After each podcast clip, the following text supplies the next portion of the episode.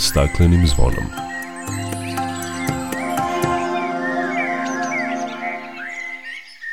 Dobar dan i dobrodošli na Zeleni talas prvog programa radija Radio Televizije Vojvodine. Ja sam Dragana Ratković. U Srbiji se često suočavamo sa problemom trovanja, ilegalnim lovom i trgovinom divljim vrstama i drugim vidovima zločina nad životinjama. Srbija je dobila stručnjake za suzbijanje te vrste kriminala. Čućete kakva su iskustva u svetu i kod nas, kako poboljšati i šta je potrebno da napravimo pomak u rešavanju tih problema. Prošlog vikenda smo obeležili Dan planete Zemlje sa ciljem da se podigne svest o zaštiti životne sredine biljnog i životinskog sveta. Na brojnim lokacijama održane su akcije čišćenja, sakupljeno i bačeno smeće i čišćene su divlje deponije. Predstoje nam prvomajski praznik kada tradicionalno više ljudi odlazi u prirodu, ali i kada zbog našeg neodgovornog ponašanja priroda ostaje zatrpana smećem i tako u krug. Čućete koje nam blagodeti po zdravlje daje boravak u prirodi, predstavit ćemo vam neka zaštićena područja kojima upravlja javno preduzeće Vojvodina šume, gde možete otići za praznike i uživati u očuvanoj prirodi, ali ponovit ćemo i osnovna pravila ponašanja i uputiti apel svima koji ovih dana planiraju da vreme provedu u prirodi, da se odgovorno ponašaju. O svemu tome više nakon pozdravne pesme. Dok priroda kraj nas plače Za vladarskim svojim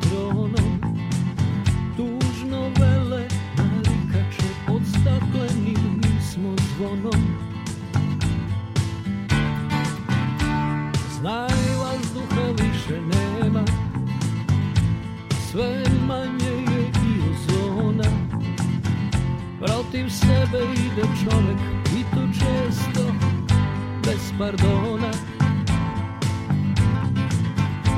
Uništenju živog sveta Kao da su ljudi skloni. Čovek sam je sebi meta Zbog njega ovo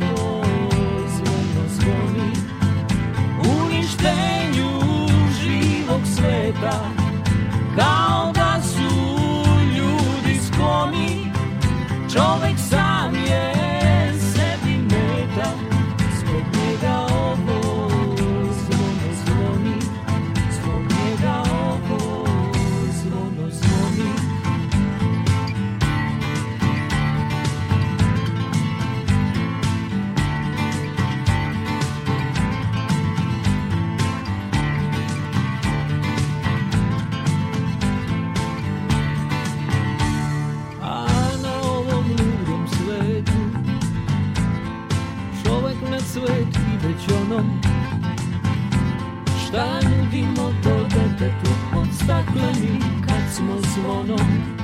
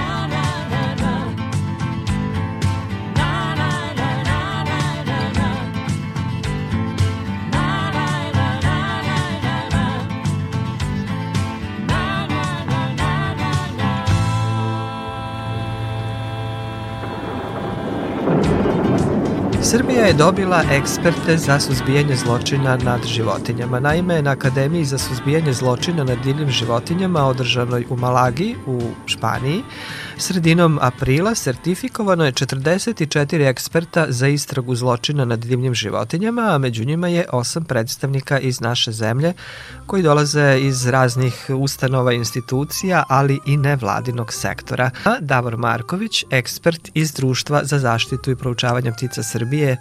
Dakle, tim povodom je sa nama. Davore, dobrodošli na Talasa Radija Novog Sada. Dobar dan, hvala, bolje vas naša. U svetu je, e, možemo reći, veliki pritisak na divlje vrste. Neke su čak zbog toga i nestale, pa je borba protiv zločina na divljim vrstama nekako poprimila novi oblik. E, nekako su se više ljudi angažovali da bi se to sprečili, da bismo sačuvali divlje vrste. Kakva je situacija u svetu kada govorimo o zločinima nad e, divljim vrstama? Zločini nad divljim vrstama se smatraju jednim od, da kažem, najunosnijih uh, grana kriminala na svetu zbog tog odnosa niskog rizika i visoke dobiti. Procenjuje se da, da su zločine protiv divljih vrsta zapravo jedna grana kriminala koja kaska samo za trgovinom narkoticima i oružjem. Tako da ako pričamo o nečemu tako velikom, onda možemo da shvatimo koliki je pritisak na živi svet oko nas i na biodiverzitet. Ovo je treći nivo obuke u Andaluziji na temu analiza zločina. O čemu se razgovaralo tamo i zašto baš Andaluzija? Pa pre svega Andaluzija je, da kažemo, pokrajina u Španiji u kojoj su postignuti do sada najbolji rezultati u ovoj oblasti. Oni su za svega 15 godina uspeli da smanje postotak trovanja divljih vrsta za 80%, upravo koristeći i primenjujući profesionalne metode i forenzike i istrage koje se primenjuje i u svakoj vrst, drugoj vrsti zločina. Što se tiče nekih znanja koje smo mi tamo stekli na, na ovoj obuci, to su veoma sveobuhvata i da kažem profesionalna znanja koja su dostupna do sada bilo uglavnom ljudima koji se striktno bave recimo forenzikom ili se bave profilingom zločinaca i tako dalje. Moguće nam je pristup znanju koji će nam pomoći da identifikujemo, pronađemo i razrešimo slučajeve koji se odnose na, da kažem, zločine protiv divljih vrsta koji obuhvataju trovanje, ilegalnu, ilegalnu trgovinu, krivolov i bilo koje druge, da kažemo, oblike protivpravnog ponašanja, a koji su vezani za, za divlje vrste.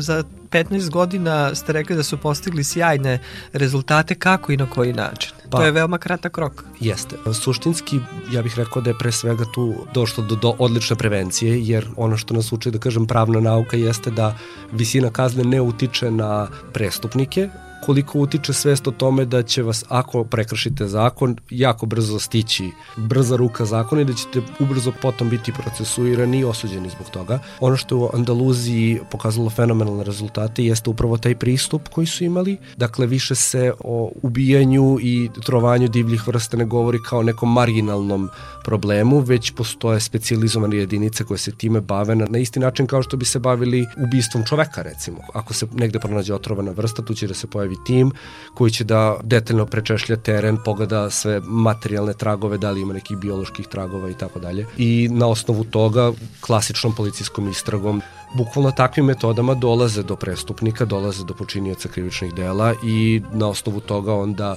tužilaštvo ima dovoljno materijala da može da ih optuži, a sudi da ih osudi. Dakle, taj lanac funkcioniše. Kod njih to očigledno fenomenalno funkcioniše i između ostalog zbog toga što su zaista dosta i uložili u to i u ta znanja i jednostavno kada imate jedan takav pristup da se ubistvo jedne divlje vrste tako ozbiljno shvata i ako tako profesionalno pristupite problemu, svaki zločinac neke tragove iza sebe i samo je pitanje koliko, koliko je vaše znanje i kolike su vaše sposobnosti i mogu, mogućnosti da ga otkrijete. I u Srbiji se suočavamo sa velikim brojem slučajeva e, kada je u pitanju trovanje i to strogo zaštićenih vrsta, ilegalnog lova, trgovina divljim vrstama i drugim zločinima nad životinjama. Upravo Društvo za zaštitu i proučavanje ptica Srbije je pokrenulo e, nekoliko e, kampanja tim povodom. Rezultati su mali, ali vide se mali pomak. To je sigurno još nedovoljno.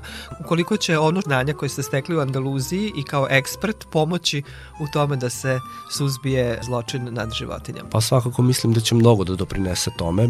Ono što je najvažnije za Srbiju trenutno kada se govori o zločinima na divljim vrstama ili konkretno, a, eto, već kad ste spomenuli trovanje, jeste da Srbija usvoji protokol o trovanju tako da se tačno zna kada dođe do trovanja, ko je nadležan za šta, ko izlazi na teren, ko vrši uviđaj, ko vodi slučaj, koje službe su nadležne da preuzmu životinju, a koje da ga dostave na analize i tako dalje. To je znači da kažemo jedan od najvažnijih koraka je upravo to da se oformi radna grupa i da se usvoji protokol o postupanju.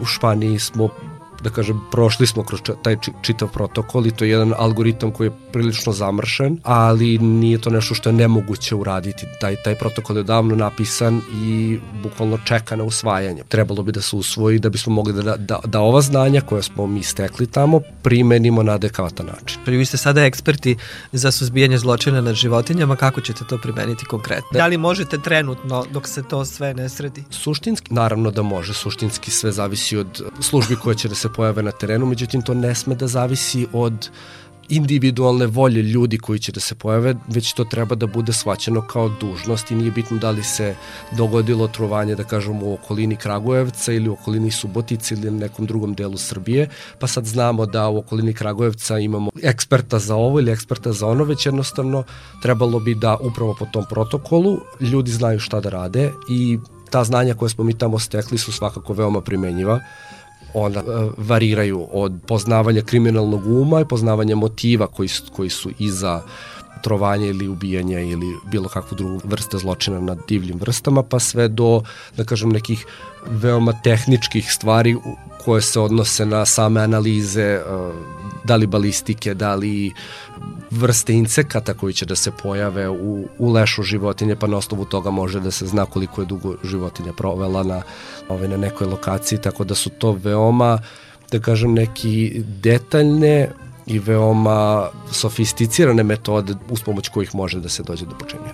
U svakom slučaju lepo je da imamo eksperte za suzbijanje zločina nad životinjama, dakle imamo obučene ljude, još samo da uspostavimo sistem i da krenemo da rešavamo probleme i nadam se da ćemo i mi, ako druge zemlje mogu za 15 godina da reše takve probleme, onda zašto ne bi mogli i mi? I tekako je moguće, i tekako je moguće. Da. Davore, hvala vam e, lepo za razgovor i učešću u programu Radio Novog Sada. Hvala vam na pozivu.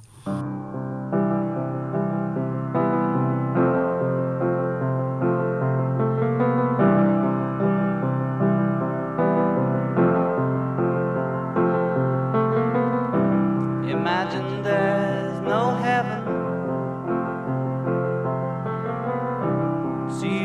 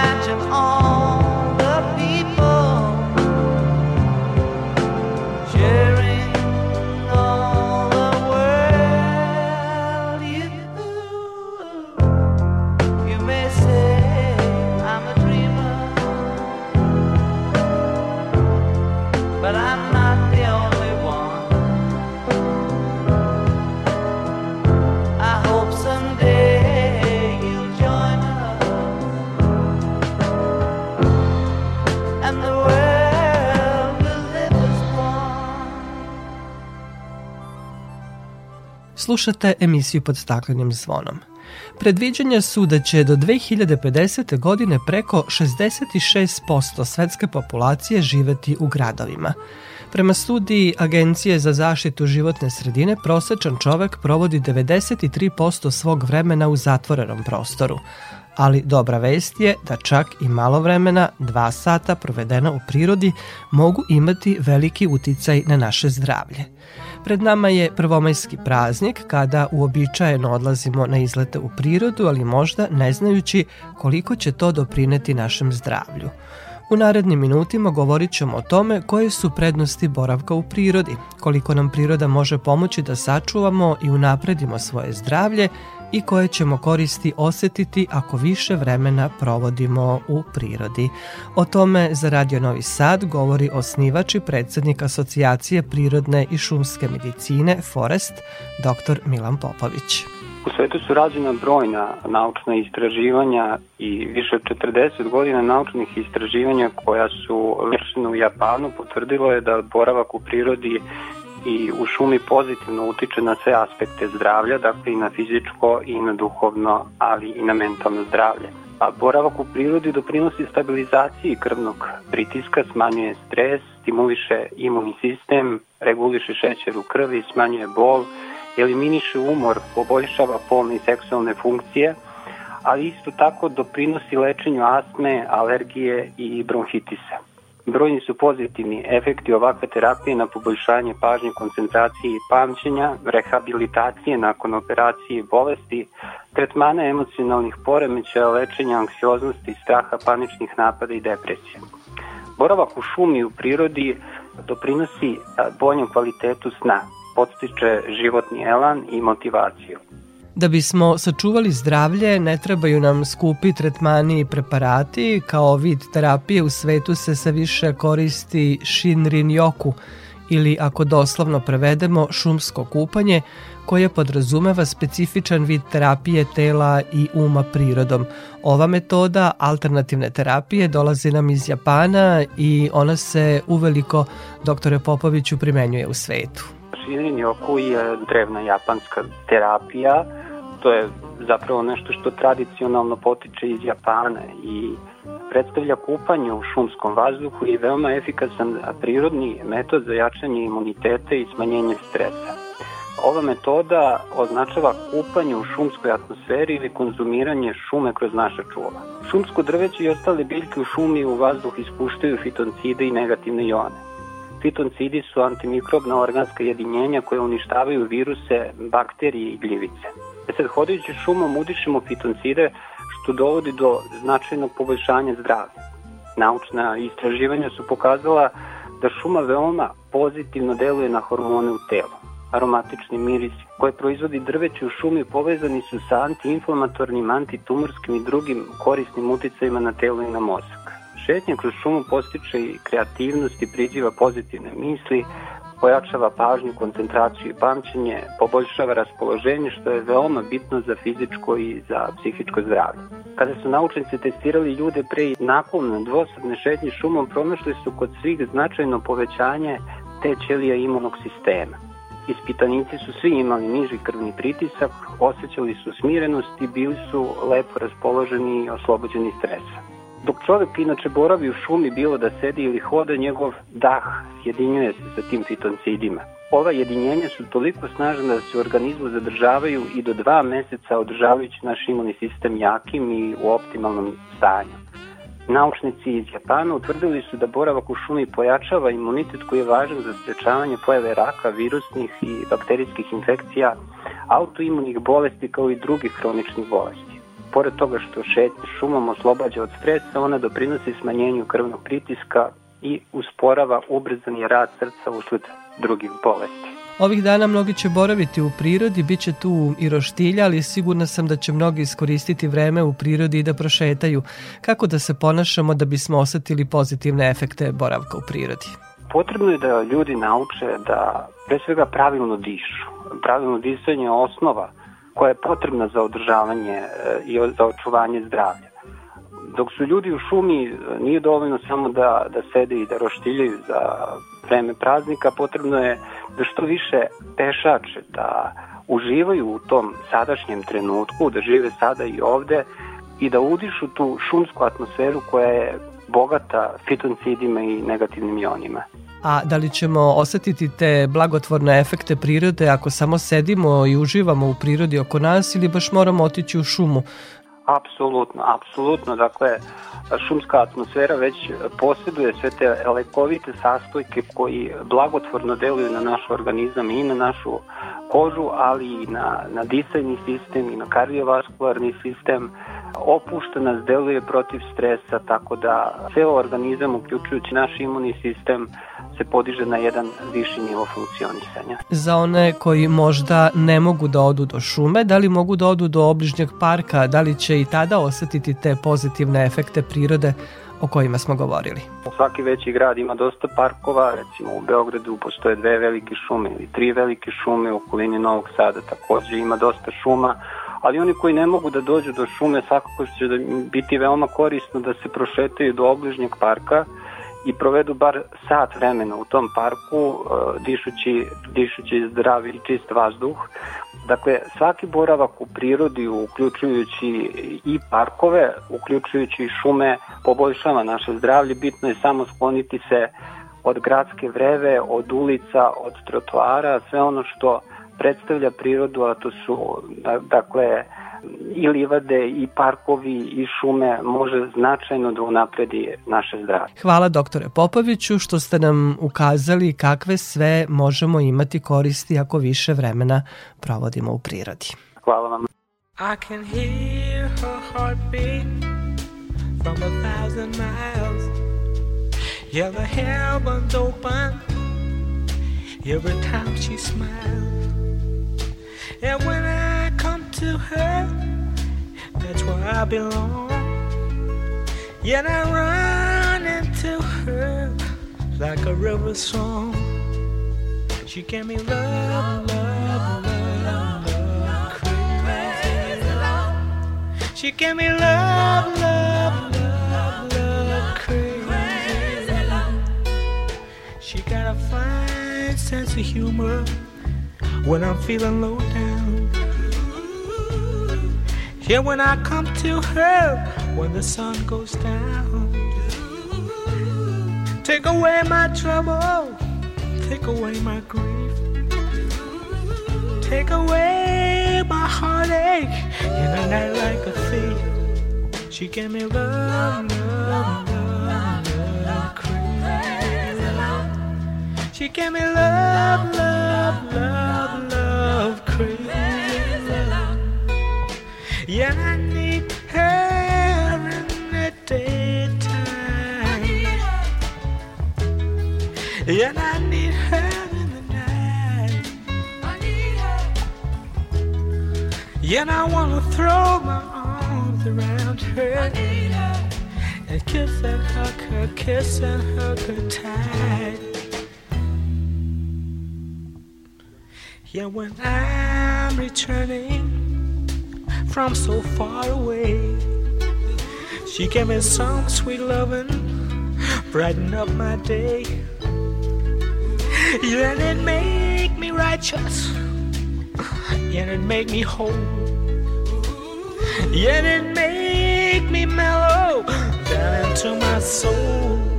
She gave me love, love, love, love,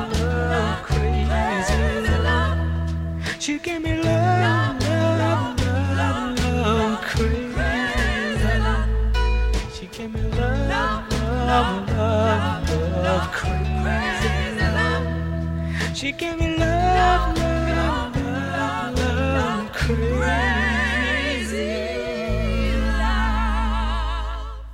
Slušate emisiju pod staklenim zvonom. Poslednjih godina čini mi se postoji veće interesovanje za prirodu, ne samo da odlazimo u parkove i obližnja izletišta, već i za zaštićena prirodna dobra. Oni su vredni očuvani biseri prirode, ali to ne znači da ne mogu da prime posetioce. Javno preduzeće Vojvodina šume je upravljač više zaštićenih područja, od kojih mnoga imaju i programe za posetioce i koje možete da posetite i tamo će će vam oni omogućiti na najbolji način da predstave zaštićeno područje, ali i da uživate u blagodetima očuvanih delova prirode. Tim povodom sa nama Ivana Vasić iz javnog preduzeća Vojvodina šume, samostalna stručna saradnica koja je zadužena za zaštićena područja. Ivana, dobrodošli na Talasa Radio Novog Sada. Hvala na pozivu. Dobar dan svim vašim slušateljima. Ivana, nekako tradicionalno za prvomajske praznike više ljudi boravi u prirodi, veće interesovanje za prirodu. Još moram priznati,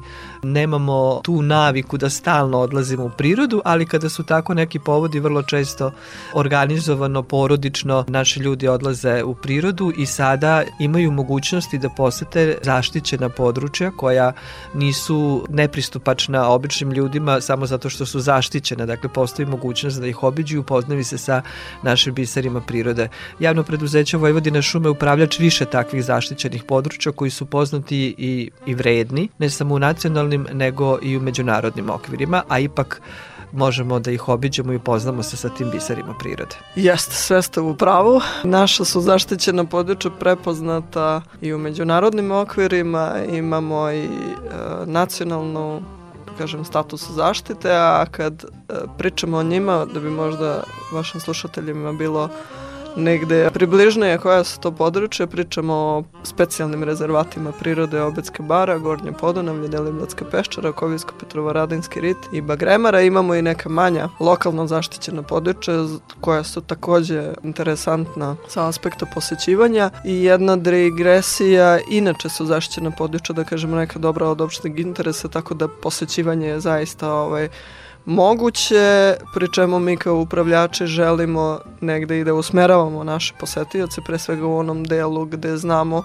i obezbeđujemo određene programe za, za posetioce. Tako da u tom smislu naša zaštićena područja nisu samo interesantna za, za neke praznike, pa evo i u susret predstojećem 1. maju, nego su inače interesantne i za vikend izlete. Malo smo se više posle korone ovaj, nekako pokrenuli, okrenuli prirodi, nekako smo češće u, u prirodi, tako da i mi beležimo neki rast posetilaca u, u nekim našim zaštićenim područjima. Ono što je važno napomenuti to je da da li se radi o nekom prazniku, vikendu ili nekom radnom danu, sasvim je sve jedno kada dolazite, pre svega želimo da kao upravljači znamo da ste na našem području u, u onom segmentu da možemo pružiti određenu pomoć, da vas možemo uputiti u neke naše sadržaje i ne daj Bože da se nešto ovaj, desi da vam možemo pomoći u, u tom nekom ovaj, smislu. Tako da je jako važno i da apelujemo na neko odgovorno podnašanje, bilo da dolazite samostalno, bilo da dolazite u nekim manjim ili većim grupama,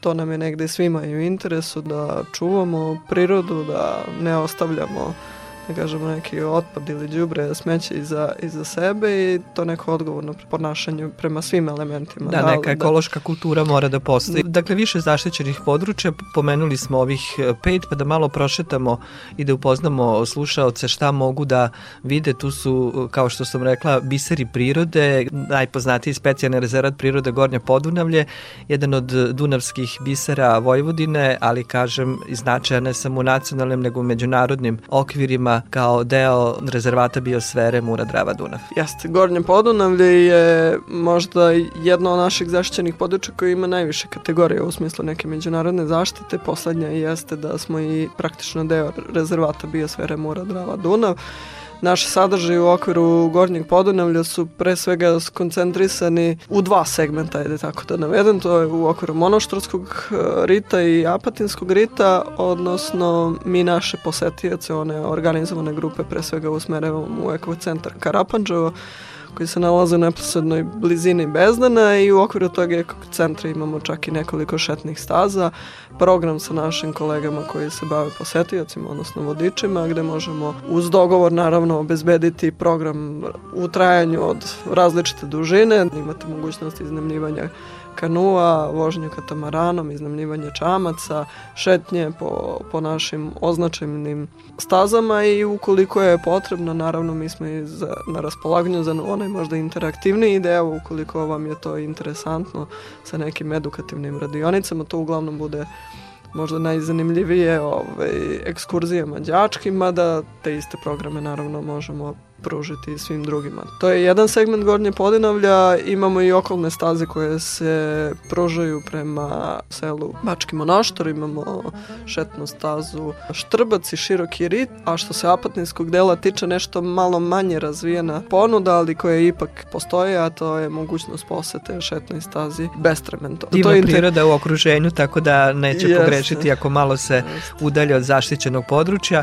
Evo, Možemo na Obetsku baru, to to, je veliko nije- interesovanje, ovaj, uvek postoji za Obetsku Jeste, baru. Obetska bara nekako po svom položaju interesantno područje, možda i područje koje imamo i najviše razvijenu neku svoju ponudu i tamo imamo mogućnost ovaj, usmeravanja posetilaca na nekoliko šetnih staza, imamo mogućnost iznajmljivanja bicikli, naravno i na Gornjem Podunavlju. Na Obetskoj bara imate preko 60 km staza za bicikliste, imamo isto toliko i staza za pešačke ture, takođe mogućnost vožnjama katamaranom, ali jedan segment koji možda nam nije prisutan u nekim drugima, to je da se upoznate sa nekim tradicionalnim oblicima graditeljstva. Mi smo pre par godina napravili i repliku nekadašnjih šumskih koliba koji su se koristili u neke tradicionalne svrhe. I jedan možda neobičan segment koji razvijamo takođe poslednjih nekih 4-5 godina jeste programe šumske medicine, šumskog wellnessa, tako da sve oni koji vole i žele da se okušaju u tom nekom segmentu pozivamo da nam se jave, da napravimo neke organizovane grupe. Da osetimo sve blagodeti prirode. Boravka u šumi. Nakon Obetske bare, Novi možda- Sad, Koviljsko-Petrovaradinski Jeste. rit. Jeste tu je- nešto što nam je možda uvek to ono što nam je blizu, ni, malo manje nam je interesantno u odnosu na ove neke druge. Takođe šetne staze na Kurijačkoj gredi, na Šlajzu Tikvari, e, s tim što ovde nemamo možda unapred pripremljeno kada biste došli na Ukovijski rit neku, neku ponudu, ali ukoliko biste se javili unapred mogli bismo napraviti neki program, tako da eto u kontekstu nekog i aktivnog turizma i u, u, u Kovijskom ritu možete s naše strane ovaj, dobiti mogućnost ovaj, vožnje čamcom, obiđete i one neke Da, vodene neke jest. ekosisteme koji su nama jako važni i možda manje poznat u, u okviru Kovijskog Petrovaradinskog rita jeste deo koji se zove Karlovački Dunavac, on je praktično deo Petrovaradinskog dela rita, nalazi se u neposrednoj blizini ovaj, Sremskih Karlovaca, pa eto i tamo imamo Znači, na uređena i, i roštilj mesta i mobilijar koji se može koristiti. U saradnji sa kolegama iz pokreta Gorana Vojvodine takođe se mogu organizovati i ture katamaranom. Da, ako krenemo u Banat, jedna od najvećih evropskih kontinentalnih peščara, jedna od naših najvećih e, zaštićenih područja u Vojvodini, specijalni rezervat prirode Deliblatska peščara koji je specifičan i zbog svoje prirode, a tu je i Dunav.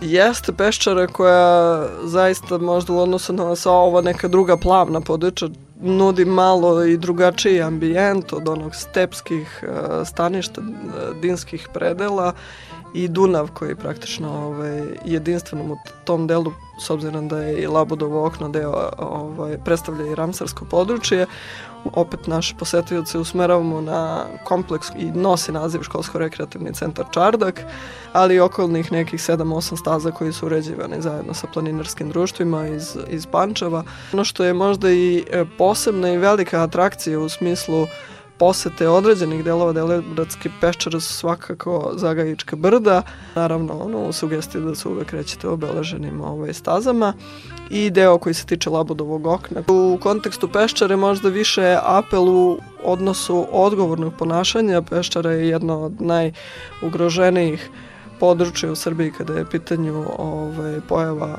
požara, tako da naše preventivne mere, pre svega u kontekstu ovih predstojećih praznika jesu i apel opet na odgovorno ponašanje, da se u kontekstu Deliblatske peščare vatra ne loži u samom rezervatu. Da se odgovorno ponašamo jer zaista možemo da uživamo u prelepim biserima prirode u Vojvodini i onda malo više pažnje i na to da obratimo na, na naše ponašanje. Osim što možemo da uživamo u tim blagodetima prirode, kako na najbolji mogući način iskoristiti boravak u, u ovako zaštićenim područjima. Mislim da samo treba se prepustiti i uživati, to je prvi segment, a drugo, boravak u prirodi ili barem, ajde da kažemo, ovim nekim šumskim ovaj, predelima koji su nama ovaj, nekako po površini najzastupljeniji jeste da boravak, samo boravak u šumi, u prirodi u trajanju od nekih dva sata vam i menja vam i raspoloženje, nivo određenih, prisustvo određenih hormona u organizmu koji vam daju taj neki efekt kao da ste pojeli ovaj čokoladu, odnosno taj neki osjećaj zadovoljstva.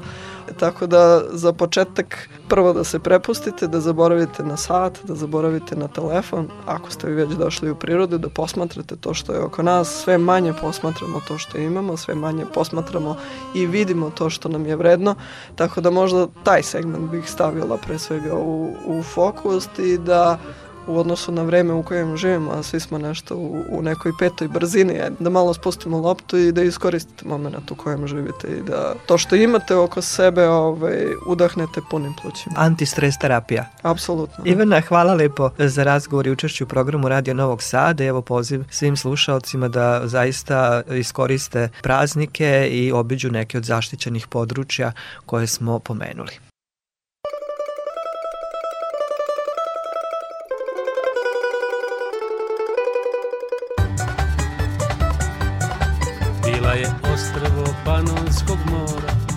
Sad je planina u kraju ravno. Ta lepotica za kojom mnogi uzdišu još odavno. Milion godina kako joj Dunav, golica vrbe i manima. Onomac su me zvali za kuma, ljube se noćima i danima. U Fruškoj gori sam našao mir, Za svakog od nas tu mesta ima Komadić sunca i plavog neba. I kad je leto i kad je zima I staza zdravlja i staza srca. Kroz Frušku goru čoveka vodi Da nađe drvo svog života. I da se ponovo ko čovek rodi. Jedna monahinja tu iz jasna Reče mi da je ta gora zlata Al nije mislila na zlato Već na blago od Boga dato Ne mogu metro da se mere Stari hrastu i ljubičice. Ne mogu ničim da se kupe Mesta gde jelen ogleda lice. U Fruškoj gori sam našao mir Za svakog od nas tu mesta ima. Komadi sunca i plavog neba I kad je leto, i kad je zima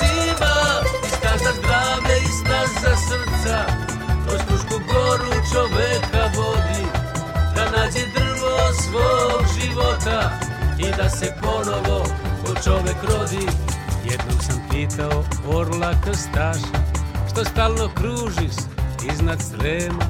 A on mi kaže da lepšeg parka Od Fruške gore na svetu nema. Zato u Karlovcima pijem vino U Ledincima šarane peca. Siriškog venca brojim zvezde samo dobrih stvari se sećam. U Fruškoj gori sam našao mir Za svakog od nas tu mesta ima. Komadić sunca i plavog neba I kad je leto, i kad je zima I staza zdravlja i staza srca. Kroz Frušku goru čoveka vodi Da nađe drvo svog života I da se ponovo ko čovek rodi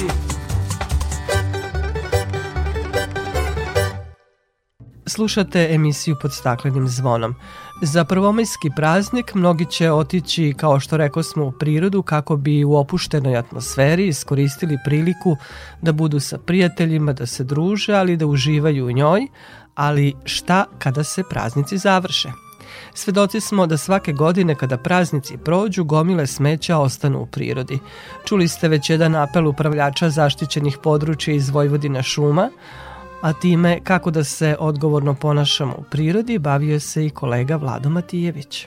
Autor i voditelj televizijske emisije Priča sa vode Miša Pajić konstatuje da je ekološka svest naših građana nedovoljno razvijena, kako na vodama, tako i u parkovima.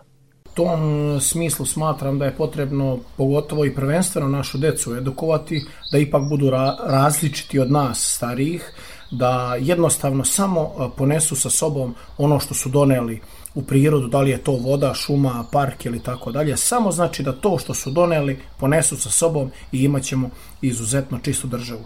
Mnogi ribolovci ostavljaju raznorazne kutice od crvića, glisti, kesice i tako dalje, ali tu su ti isto tako kao što ste rekli ti izletnici koji sa sobom donesu roštilj i sve što je potrebno za jedan dan proveden u prirodi i gomilu toga ostave na obalama naših reka, kao da se više tu nikada neće vratiti. Srećom po sve nas postoje raznorazna udruženja zelenih koji organizuju akcije, pogotovo sa omladinom, koji idu i pokupe svo to smeće kako bi svima nama boravak u prirodi bio što ugodniji. Predrag Rosić, opuštanje od mnogobrojnih poslovnih obaveza, pronalazi u rekreativnom ribolovu. Kaže da viđa i pozitivne i negativne primere odnosa ljudi prema prirodi. Vidim čoveka koji je iznio džak za džubre i kupi tuđe otpadke koje je neko prije njega ostavio na toj istoj vodi. Nije jednostavno je došao na, na vodu, otpecao ili već šta je radio na vodi, ostavio sve iza sebe, sve što je mogo da ostavi i otišao kući. Ima tako primjera i takvih i onih pozitivnih, tako da situacija nije baš sjajna. Bilo sam na nekim mestima na kojima je situacija izuzetna, gde čovek kad dođe na pecanje i na kome peca jako puno ljudi, ne uspije da nađe ni jedan jedini pikavac, kamoli nešto drugo, do toga da dođeš na nekom zabačeno mesto, gdje ne očekuješ da je ljudska noga kročila, a tu nađeš razne, razne flaše, kese i tako dalje. Tako da, situacija bi morala drastično da se popravi. A kakva je ribolov strast? Najbolje govori Rosićevo svedočenje. Taj boravak u prirodi ne da, je, ne da ima terapeutsku i antistres ulogu, nego se stvarno uživa u tome. Svi moji prijatelji koji me znaju i ne pokušavaju tim danima ni da me dobiju na telefon, jer znaju da sam na pecanju, a niti se ja u principu javljam. Imam neku rutinu kad odem na pecanje da, da sve obaveze svoje ostavim kod kuće i kad odem na vodu da sam potpuno opušten i relaksiran. Neke od mnogobrojnih emisija Miša Pajić je snimio u specijalnim rezervatima prirode kao što su Gornje Podunavlje, Zasavica i Carska bara. Ne samo ribolovac, svaki čovek koji bi došao u specijalne rezervate prirode ili sva druga zaštićena područja trebao bi po nekoj logici stvari da očekuje e, netaknutu prirodu čisto, uredno i tako dalje. Nažalost, to nije slučaj na mnogim mestima, e, konkretno i ova koja ste navela, i ne samo kod njih i na drugim mestima. Recimo, ja u toku obilaska svih tih posebnih zaštićenih područja, redko gde možete sresti kantu za smeće na samoj obali, da čovjek, recimo, da mu država je omogućila da ima gde da odloži smeće. Ali to naravno nije opravdanje. Ono što smo doneli sa sobom treba i da odnesemo sa sobom. Upravo tako. Čuvajmo prirodu i uživajmo u njoj.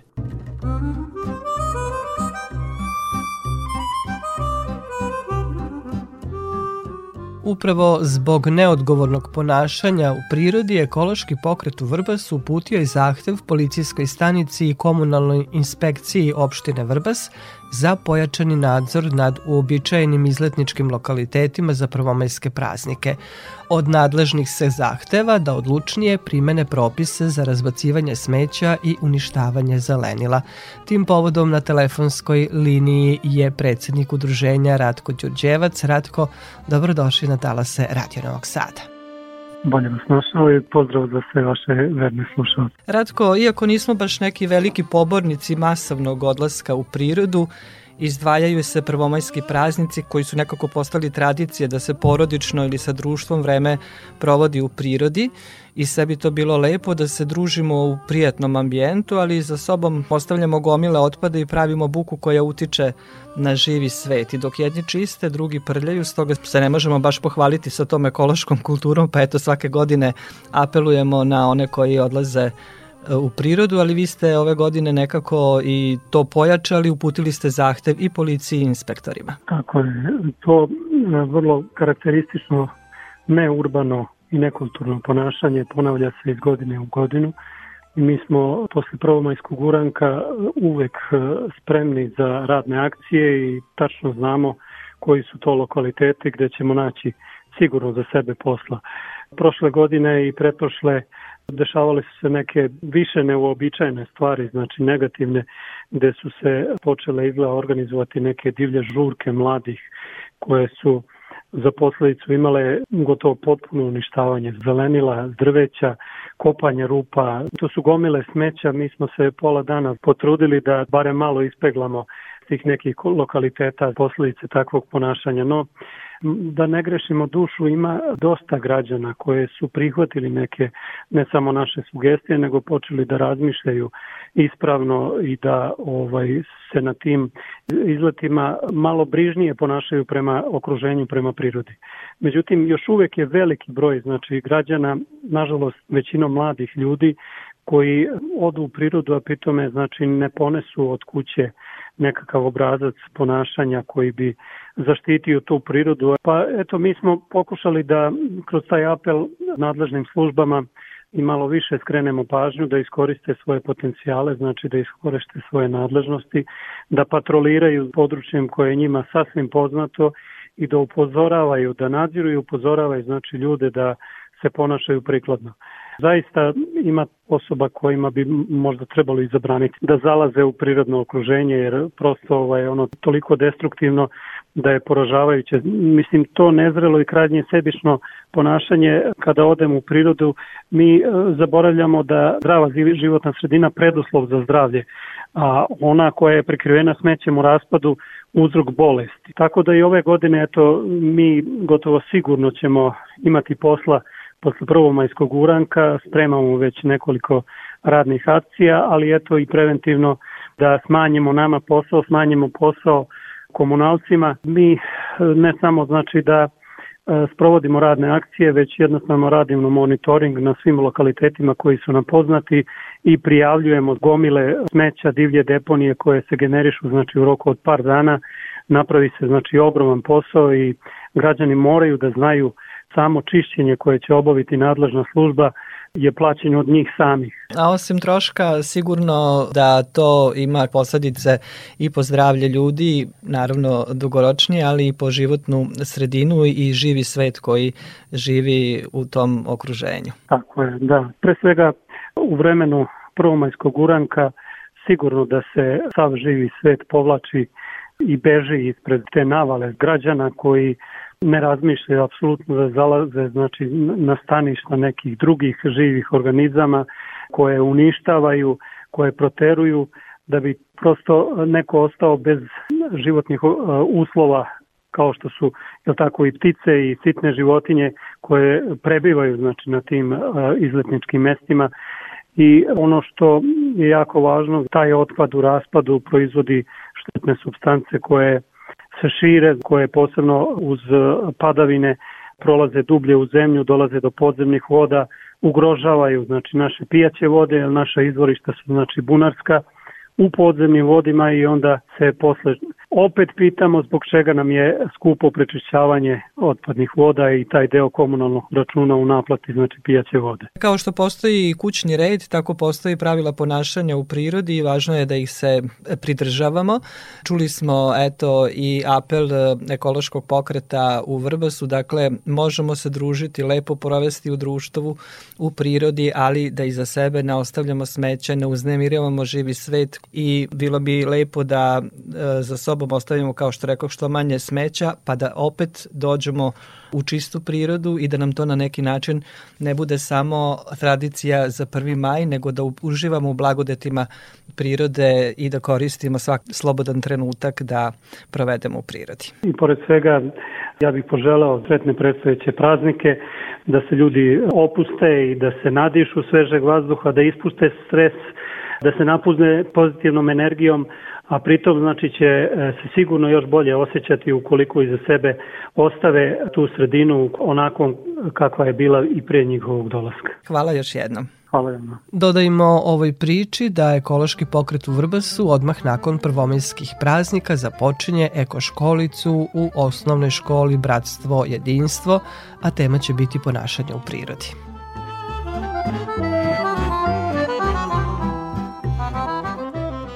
Čuli ste, boravak u prirodi omogućava brojne blagodeti za naš organizam, relaksaciju, odmor, kvalitetno provedeno vreme sa najbližima, ali takođe podrazumeva poštovanje osnovnih pravila ponašanja u prirodi. O tome kako da se ponašamo u prirodi, neka pravila saopštit će nam Željana Ostojić.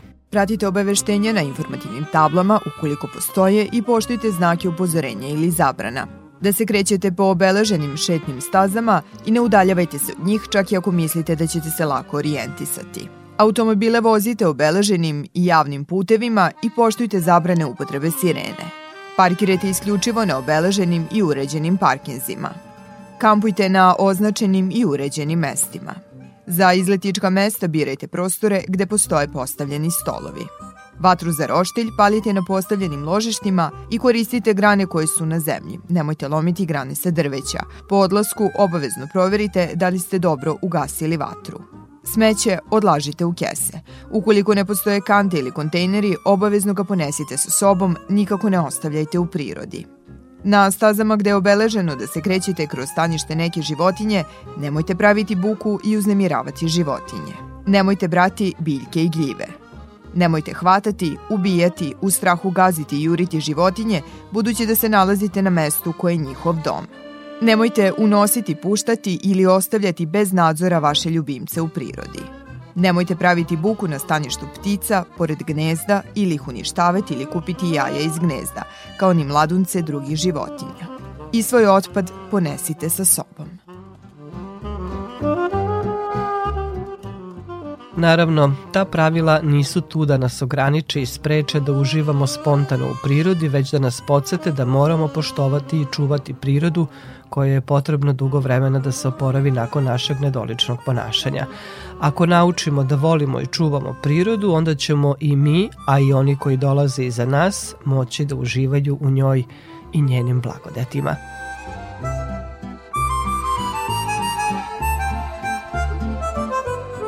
Toliko za ovo izdanje emisije pod staklenim zvonom koju možete slušati i odloženo na podcastu Radio Televizije Vojvodine na adresi rtv.rs. Na pažnji vam zahvaljuje ekipa koja je realizovala emisiju Katalina Debeljački, Jovan Gajić, Maja Tomas i Dragana Ratković.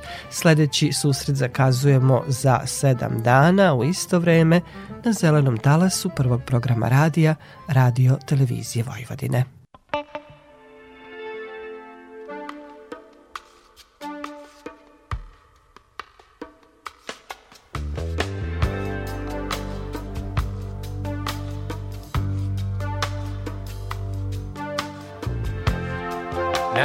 Party's over. I'm so tired. Then I see you coming out of nowhere. Much communication in emotion. Without conversation or a notion.